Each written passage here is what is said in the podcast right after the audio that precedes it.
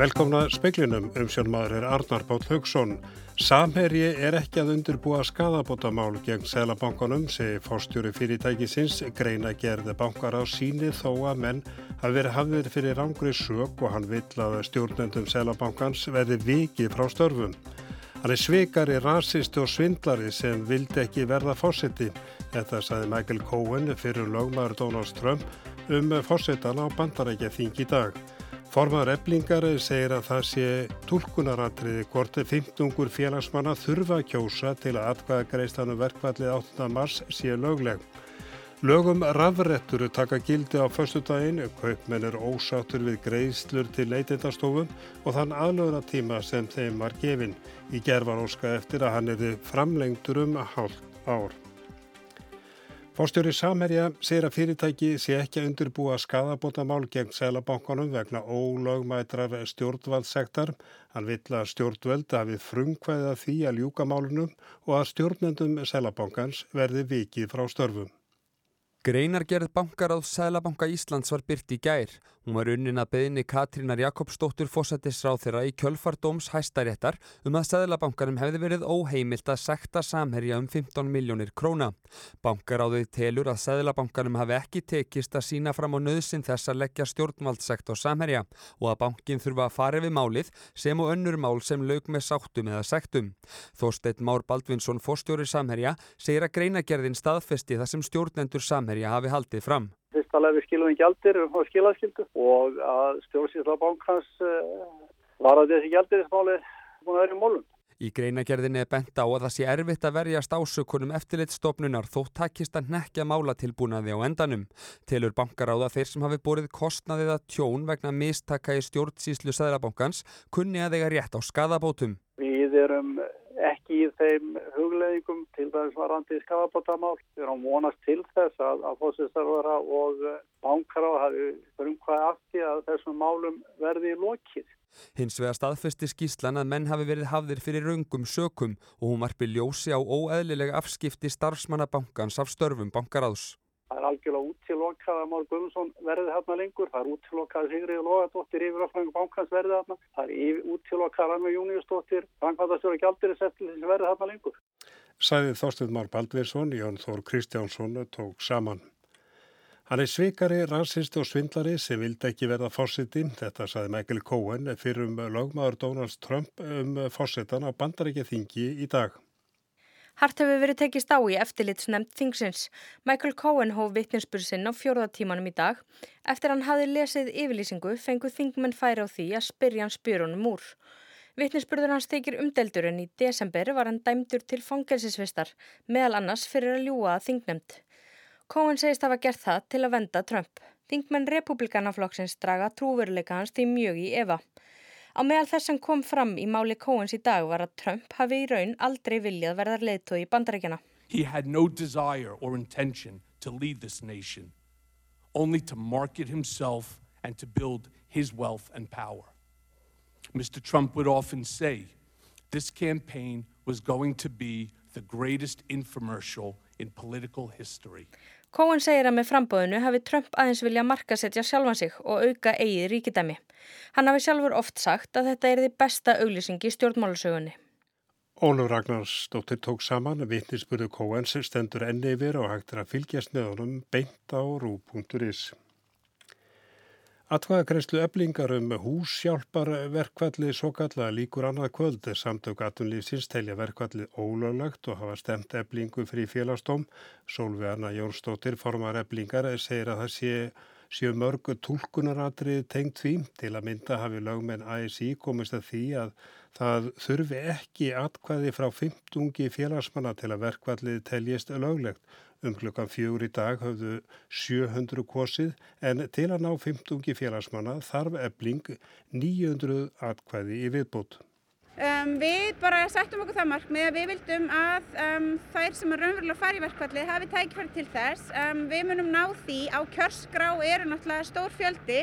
En er ekki til þess að atkvæðgræslan sé lögleg, þarf ekki 15 að kjósa? Uh, nei, þetta, hérna, nei, það þarf ekki.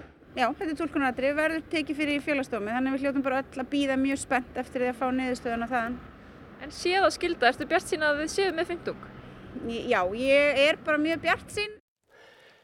Þingblokkur miðflokksins sendi frá sér tilkynningu síðdeis þar sem eh, hann gaggrínir að þeir sem styðja frumvarp fjármálar á þeirram skul ekki taka til máls og verja það. Frumvarpi var rætt til hálf sex í morgun og eru meðferði krónuegna sem háður eru sérstökum takmörkunum og gjaldirismál sem tengjast aflandskrónulosun og bindi skildu á fjármags innstreymi. Allir aðrir flokkar standa saman að nefndaráliti efnahags- og viðskiptanemndar. Þingmenn miðflokksinn segja að eftirgjöfin sem felist í frumvarpinu nemi hæglega 20 miljardar. Við viljum þetta fyrst og fremst frá svör, frá stjórnvöldum, hvað þeim gangi til, hvers vegna þau séu tilbúin að gefa eftir gagvart þeim vónusjóðum sem hafa ekki verið tilbúin að taka neitt þátt í efnaðanslegu endurlösninni og þar með algjörlega hverfa frá áallinni sem lagt var upp með 2015 og hefur skilað ótrúlegu málangri. Formaður efnahags- og viðskiptanemdar Alþykis, Óli Björn Kárasson, segir mikla hagsmunu í húfi. 27. februar var gjaldagi hér á ríkispappirum. Það vil svo til að það eru einn aðili sem er verulega stór sem hefur verið að fjárfesta hér á Íslandi frá því laungu fyrir hrun. Skuldabrefasjóður sem starfar hins vegar eftir mjög ströngum reglum sem miða að því að hann sjóðurinn getur ekki haft reyðu fyrir nema í mjög skamman tíma. Hann verður að fjárfæsta í öðrum pappir og ef að við okkur tekst ekki núna á þessum sólarhingu núna að, að afgræða þetta mál að þá eru líkur á því að við missum til dæmis þennan aðila úr landi. Saði Óli Björn Kárásson, eh, dagni Hulda Erlinsdóttir tók saman. Starfsópi er eh, falið að bregðast við svartri skýslu ríkisendurskoðunar um fiskistofu og er vinnað hefjast sjávaróttisráður að vonast eftir tillögum með haustunum. Ríkisendur skoðun skilaði úttækt á eftirliti fiskistofu fyrir rúmu mánuði síðan sem var unnin að beðni alþingis eftir að kveikur fjallaðu um brottkast og framhjálöndun. Skýrslan varpa ljósi á margvíslegar brottalamir í starfsemi fiskistofu. Eftirlit með viktun, brottkasti og samþjöpun ablaheimilda stiði ekki við markmiðlaga um stjórn fiskveið á umgengni um nýttjastofna sjávar. Meðal annars vegna skorts á úrræðum og viðlugum sé fiskistofu ómögulegt að sinna eftirliti seminni ber. Kristján Þór Júliusson sjávarútveksar á þeirra sagði þegar skýslan kom út að ábendingarna séu teknar alvarlega og endur skoða þyrti starfsemi fiskistofu, lög og reglur. Kristján Þór segir að nú sé verið að mynda starfshóp og óskað hafi verið eftir tilnefningum frá öllum helstu hagsmuna aðilum erum síðan að setja saman verkefnistjórn sem á að vinna með þessum sama hóp og í honum og gera tillögu til ráðanetsins til viðbráða. Hann gerir ráð fyrir því að vinnan hefjist mjög fljótt og vonast eftir afrakstri með höstinum. Hann vil ekki tjásu um það á þessu stíi hvort stemt sé að rótækum breytingum að út úr því samstarfi sem að þarna er verið að efna til muni koma uppbyggilega tilúr því að það er fullt þörf á því að berja í ákvæmna bresti sem eru bæði í regluverkinu og ekki síður þá varandi framkvæmt þessara mála og ég vænti þess að við getum átt sem best samstarf og allir aðila sem að þessum málum koma því að þetta er gríðalegt hagsmunamál fyrir uh, þjóðfélagi allt. Þetta var Kristján Þór Júliusson, Jón Þór Kristjánsson talaði við hann. Lauruglænin Nóri hefur fundið ummerkjum að önnu Elisabethu Hagen hafi verið rænt af heimilisinn í oktober. Þau benda til þess að hún hafi verið dreygin eftir gólfunu á baðherbyggi á heimili hennar í Lörenskó. Lauruglan er sögð byggja kenningar sínar um hvernig ráðist var á Hagen og henni rænt á þessum vísbendingum. Fyrir utan ummerkin á baðherbyggiskólinu sem tæknideilt lauruglanar rannsakaði eru engin ummerki um átök á heimili Hagen hjónana. För á gólfinu eru eins vegar svo sérkennilega að þau benda til þess að eitthvað mikið hafi gengið á. Kvarf önnu Elisabetar Hagen í lok oktober í fyrra er rannsakað sem mannrán. Laureglan hefur úr mjög takmörkuðum vísbendingum að móða og er engu nærum hvar Hagen getur verið niðurkomin eða hverjir hafi verið á verki. Þegar hefur komið fram að Tom Hagen, eiginmaður önnu Elisabetar, hafið komið heim síðdegis 31. oktober og fundið hund þeirra hjóna læstaninn í herbergi og bref frá mannræningjörnum í stofunni. Nú hefur lögreglan svo sagt frá því að Tom hafi einnig fundið þessi ummerki á baðherberginu. Mannræningjarnir hafa haft samband en lögreglan hefur ekki getað haft samband tilbaka. En hefur engin staðfesting fengist á því að Hagen sé á lífi. Birgir Þór Harðarsson saði frá. George Pell var krettufastur og harsnúin baráttum áður katholsku kirkuna sem barðist hatramlega gegn samkynneið, fóstureyðingum, skilnaði, getnaðvörnum og fyrir skirlifi presta. Sjálfur hefur hann nú verið sakveldur fyrir kynferðisbrót gegn tveimur altaristrengjum á tíunda áratögnum og gæti átti yfir höfði sér alltaf 50 ára fangilsi. Pell er fjármálastjóri Páagars og sem slíkur þriðji maður í virðingaröð katholsku kirkjunar. The news of Cardinal George Pell's conviction on historical child sexual abuse charges has shocked many across Australia and around the world, including the Catholic bishops of Australia. Mark Coleridge, fórseti ástrálska biskuparáðsins, segir í yfirlýsingu ráðsins að sakvelling George Pell hafi verið áfall fyrir alla og þar með ástrálska biskuparáðið. Í grein sem David Marr, höfundur bókar um George Pell, skrifar í Guardian, segir að veldi George Pell hafi byggst á afstöðu hans til kynlífs, skýrlífi væri fórn í þáu Krists og sönnun fyrir ástin á Guði almáttugum. Skýrlífi tryggði að hugur og hönd geti óhindrað helgað sig þjónustu við Guðs börn og að hjarta væri reynd og óskipt. Skýrlífi færði manni nær Guði. Marr segir að óbylgirni hans og staðfesta í þessum efnum hafi fleitt honum í aðstu stöður innan katholsku kirkjunar.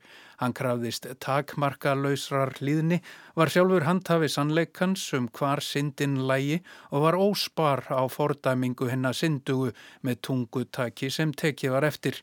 Hann var harlínumadur sem aflaði sér fára að vinna, fjölda óvildarmanna en kom honum til aðstu meðtorða í Pávagarði. Þegar hann var erkibiskup í Melbourne í Ástralíu og síðar kardináli í Sydney barðist hann hatramlega gegn getnaðarvörnum, samkynnegð, erðatækni, hjónaskilnaði og fóstureyðingum. Sérstaklega var hann harneskjulegur í garð samkynnegðra. Við minningar að töfnum samkynnegða pilda sem frömdu sjálfsvíg í kathólskum skólum sagði hann að samkynnegðin væri vandin. Samkynnegð væri meira heilsufars vandamál en reykingar. Ef ekki væri fyrir nýliðun samkynneiðra þá væri ekkert ungt samkynneið fólk að fremja sjálfsmorð. Engin var harðar en George Pell og það vakti hrifningu margra í Pávagarði. Pell lærði fræðin í Róm, var výður í Péturskirkjunni og tók doktorskráðu í Oxford áður en hann var prestur í heimaborginni Ballarat. Það er fræg orma grifja barnanýðinga en einhvern veginn fór það allt fram hjá prestinum unga. Saðist reyndar lungu síðar hafa séð eitt og annað og heyrt allskynns orðrum en ekki var það til aðgerða að hans hálfu. Hann þótti frekar ógeðfeldur og var aldrei miklu metum í Ástralíu en þeimun virtar í Róm. Það vakti því blendnar tilfinningar þegar hann var skipaður aðstóðabiskup í Melbourne árið 1987. Jóhannes Páll Páfi hafði mikið dálæti á mönnum eins og George Pell. Í Grein Guardian segir að Pell hafi ekki gert neitt í fjölmörgum barnanýðsmálum sem komu upp í kirkjunni. Engin skortur var á ábendingum og tilkynningum um hrikalegt barnanýð en Pell sagði alltaf að ekki læju fyrir nægar sannanir. Helstu nýðingarnir gáttu því stundað sín nýðingsverk óhindrað. Sjálfur þurfti Pell að víkja sem erkibiskup í Sidnei í nokkra mánuði þegar hann var sakaður um að nýðast á nokkrum ungum drengjum. Kirkjan rannsakaði málið.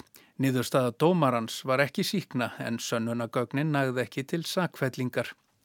George Pell var ekki vinsæl heima fyrir en það skipti hann litlum. Upphefðin kom úr Pávagarði í Róm. Samhliða var hann í mörgum likilnemdum Pávagarðs sem hertu mjög á íhaldsemi kirkjunar og þar fór Pell fremstur í flokki. Sérstaklega var hann harðsnúin í garð samkinn heiðra. Frami hans var skjótur, hann var fluttu til Sidney og síðar skipaður kardináli. Hann var ekki bara konungur kreddufestunar, hann þótti sérlega harðskeittur fjármálamadur, áhrifamikill stjórnandi og sérfræðingur í öllu sem tengdist rángölum valdsins. Ekki skipti minnstu að enginn stóð honum framar í að útvega kirkjunni fíja frá stjórnvöldum. Þegar fíð þurfti til að stopna kathólska skóla um víða veröld var ringt í pell og það sama var upp á teiningnum ef menn vildu komast hjá hundruð miljónadala skadabótum til fórnarlampa kirkjunar. Hann var líkilmaður í að tefja eða koma í vekk fyrir rannsóknir á barnanýði kirkjunar þjóna. Kviðdómur í Ástralju komst að þeirri niðurstöð að Pell væri sekur um samtals 5 kynferðisbrot gegn tveimur altaristrengjum þá 12 og 13 ára í skrúðhúsi Dómkirkju heilags Patreks í Melbourne árið 1996 þegar hann var þar erkibiskup. Annar drengjana lést síðar af of stórum skamti eiturlifja og hinn hefur átt við mikla erfileika að stríða. Pell ætlar að áfrýja dómnum. Niðurstaða dómsins var reyndar ekki kunngjörð fyrir en á mánudag en nokkrum dögum eftir að sjálfur dómurinn fjall í desember tilkynnti Pávagarður að Pell væri ekki lengur í ráðuneyti Frans Páva, hópi kardinála og nánustu ráðgjafa kirkjuleitóans. Hann helt hins vegar stöðu sinni sem fjármálastjóri Pávagarðs og þar með þriði ég æðsti embættismæður kirkjunar, þótt hann hafi verið í ótíma bundnu leifi frá störfum frá því að honum var byrt á kæran. Frettir af sakvellingu Pels bárust aðeins tveimur dögum eftir að fjögur að daga ráðstefnu Pávagars um barnanið kathólskara prestalauk en Frans Pávi líkti þar kinnferðiskleipum kirkjunarmanna gegn börnum við mannfórnir. Mark Coleridge, fórseti ástrálska biskuparáðsins, segir að máli verði að leiða til lykta í dómskerfinu. Coleridge segir að þanga til muni biskuparnir byggja fyrir þeim sem hafa verið misnotaðir og ástvinum þeirra. Allt verði gert til þess að kirkjan verði örugur griðarstaður fyrir alla, sérstaklega þá ungu og berskjölduðu. In the meantime, we pray for all those who have been abused and for their loved ones. And we commit ourselves anew to doing everything possible to ensure that the church is a safe place for all, especially the young and the vulnerable. Pálmi Jónsson tók þennan pistil saman. Aðeins tveir dagar eru það til lögum rafrættur taka gildi. Rafrættu kaupmenn eru ósáttur bæði við kostnaði að tilkynna vörur og þann aðlunatíma sem þeim hefur verið gefin. Í gær var óska eftir að sá tími er lengtur um hálft ár, lögin hveða meðal annars á um reglur um merkingar og banna verður að selja börnum rafrættur. Aldurstakmarkið verður átján ár. Það er ekki nema fjögur ár frá því að byrja var að selja rafrættur hér á landi. Frá þeim tíma hafa fjölmarkar veip sjóppur skotu upp kollinum. Á allar má að á Reykjavíkusvæðinu séu 12 til 13 verslanir sem sérhæfa sig í sölu rafrætna og rafrættu vökvað. Engin sérlög hafa gilt um rafrættur. Livjastofnunu leit svo á að þær væru liv og því bæra tilkynna til stofnunarinnar um söluna.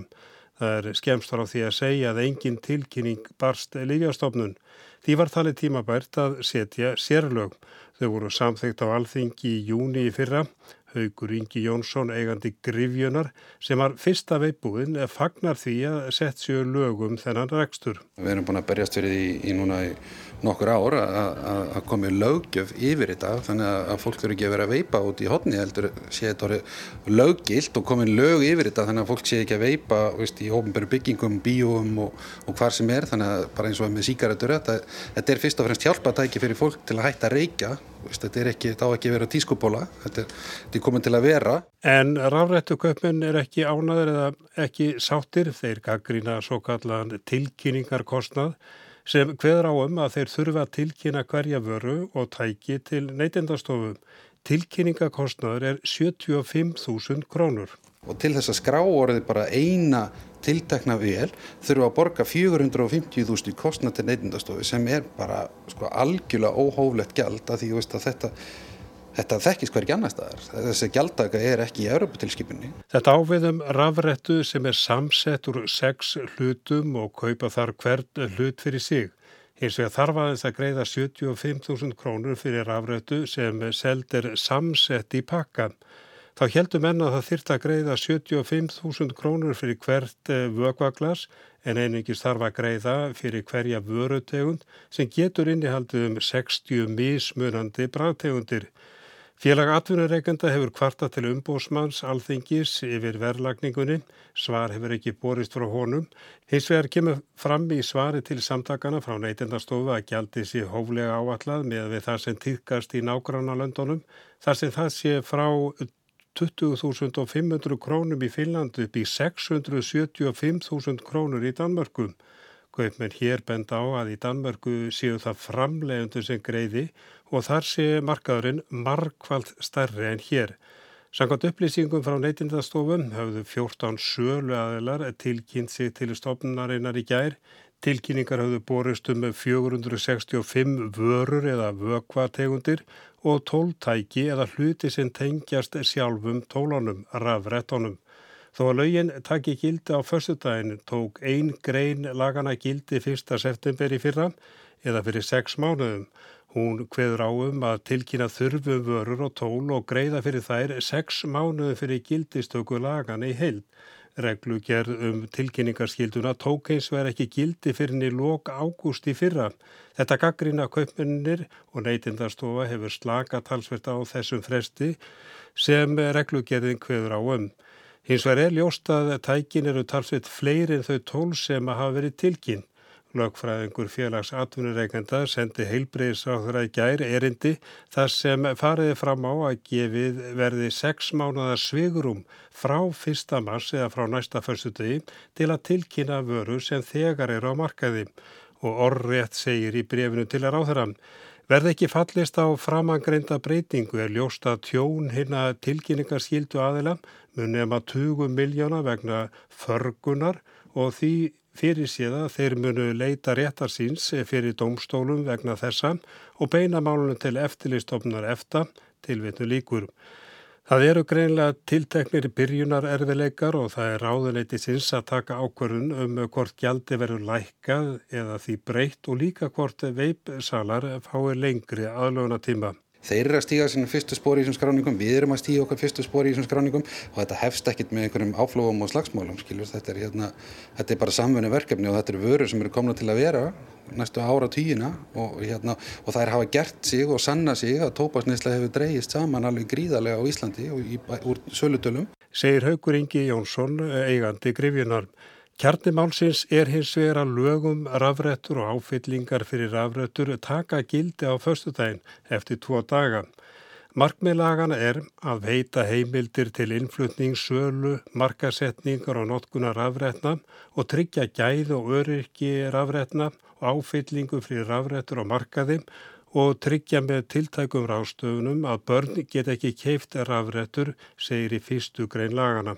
Það hafa engin lög gilt um nákvæmlega þetta álitamál hinga til. Áfyllinga með nikotínu hafa verið flokkaður sem liv og það fellir undir eftirlit eh, livjastofnunar og hefur þurft í rauninni markasleifi til að markasetja þér hér á landi en þetta er rauninni fyrsta skipti sem að lögjafinn tekur á þessu álitefni með afrætturnar og áfyllingarnar fyrir þær. Segir Svafa gerður yngjumöndadóttir lögfræðingur hjá neytindastofum. Eins og fyrst segir bárust engar tilkynningar til lífjastofnunar. Neytindastofa auglisti nýverið eftir starfsmanni til að sinna meðal annars eftirliti eftir að lögin taka gildi. Nú fyrir gildistökulagana er ekki ljóst hver umfóngsmikil starfskreinin er í raun og veru. Við erum náttúrulega núna að fá eftirlitið með rafrættum og áfyllingum fyrir þær og, og munum í rauninni fara yfir þessi mál. Uh, núna höfum við 465 tilkynningar um nikotínvöku af mismunandi gerðum. En höfum fengið tilkynningar um 12 tæki með fylgilautum frá 14 aðilum. Og við náttúrulega erum að skoða þessar tilkynningar og munum byrta upplýsingar um þær hjá okkur. En við munum að sjálfsögðu fara yfir það hverjir, hverjir hafa verið að selja þetta og hverjir er að selja þetta í framhaldi en það er það bara nöðsulegt fyrir okkar eftirlit. Laugin taka á ymsum atriðum eins og til dæmis aldurstakmarki, auglýsingum og merkingum. Það verður ekki að grafa um það að það sé ekki selt börnum undir átjónaraldri, þessast börnum. Þannig að laugin eiga er að hindra aðgengi uh, þessara aðila að rafrættum áfyllingum fyrir þær. Síðan verða að gera breytingar á sagt, því að það verður óheimilt að auglýsa rafrættur áfyllinga fyrir þær og að sína neyslu og hvers konar meðferð í auðlýsingum. Það verður sem sagt uh, gert krafa um, um sínileika bann í veslunum uh, en að því undaskjöld og sérveslunum með rafrættur áfyllinga fyrir þær er heimilt að hafa þær sínilegar þegar inn í veslun er komið. Ráðunettið hefur gefið út tvær reglugerðir sem eiga sér stóði í lögunum að byðast við tilskipun Evrópusambansins Hún hefur reyndar ekki enn verið innleitt í eftirlöndunum, Íslandi, Nóri og Lichtenstein en það stendur þó til. Reglugjörðin sem gefið var út í ágúst fjallar um tilkynningarskilduna, hinn sem var nýverið kynnt í samráðskátt stjórnvalda, fjallar um merkingar á vögva Sú reglugjörð hefur ekki verið formlega gefin út nú þegar tveir dagar eru í gildistökuna. Í löganu sjálfu með hvið áum að einungi sé heimilt að selja einnóta vögva hilki og áfyllingar með ekki innihalda meir enn 20 millilítra af nikotín vögva. Í reglugerin er hvið á nokkuð nákvæmlega um merkingar, sérstök varnaróð eiga að þekja 30% af yfirborðu umbúða og þar á að standa þessi vara inniheldu nikotín sem er mjög ávanabindandi efni, ekki er mælt með nokkuð þess fyrir þá sem reykja ekki tilveitnu líkur. Gorki á umbúðum rafrætnan í áfyllinga má gefa til kynna að varan hafi þá eigileika að geta aukið lífstrótt eða orku eða að hún hafi lækningar mátt. Þá á að fylgja umbúðunum bæði rafrætn og áfyllinga, bæklingur svipar og fylgir með livjum. Það er að vera varnaðaror, viðvaranir til tiltekina áhættuhópa og hugsalega skadli áhrif svo eitthvað sé nefn. Það er, er í rauninni bara verið að innleiða aðalega þau skilir sem að koma fram í tilskipuninni frá Evrópussambandinu þannig að hérna, þetta er í rauninni bara staðlaðar kröfur sem eru gerðar þar það er gerð karafa um að, að neytendur síðan náttúrulega upplýstir um það hvað þeir eru að kaupa og þarna er til dæmis verið að selja efni sem að þarf bara nákvæmlega að tilgreina fyrir neytandanum hvað hann er að kaupa og, og hérna, við teljum alveg fulla, fullt, þetta eiga alveg fullt erindi inn í, inn í reglugjörð. Laugin taka gildi á föstudaginn fram að þessu hefur salan fyrst og fremst verið í sérveslunum Rafrættur hafa einnig verið seldar í einhverjum maturverslunum. Neytindastofa hefur ekki enn yfirlit yfir hver margi sölustæðanir erum eða hugmyndur um hver þróunin verður eftir gildistöku lagana. Við erum í rauninni bara að vinna að því núna að, að kortleggja og átt okkur á umfanginu. Við höfum einhverjar hugmyndir og það verður bara að koma í ljós hver þessi fjöldi er. Eh, þetta er líka þetta er líka einaður sem hefur verið að breytast á lítið ört. Það hafa verið fáir aðilar og síðan bætast við einhverjir í framhaldi af þessu og það er svona spurningi náttúrulega hvort að þetta færist nær þessum nágrannaríkjum okkar þar sem að í rauninni innflutningurinn fer fram í gegnum heilsala og síðan eru heilsalarnir þeir sem að, sem að selja vörurnar áfram í veslanir og það er svona kannski verður forutnilegt að sjá. Þetta var Svafa Gerður Ingi Mundardóttir og þá öðru heimamenn í litlu samfélagi í Suður Afríku höfðu betur gegn risastóra áströlsku námufyrirtæki fyrir helgi.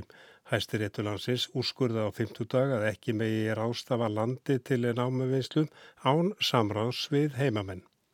Umhverfisvendar sinna runnu tímamóta sigur þegar hæstiréttur Suður Afríku úrskurðað á feimtudag að ríkistjórnlandsins yrði að fá samþekki heimamanna áður en það veitti leifi til námuvinnslu.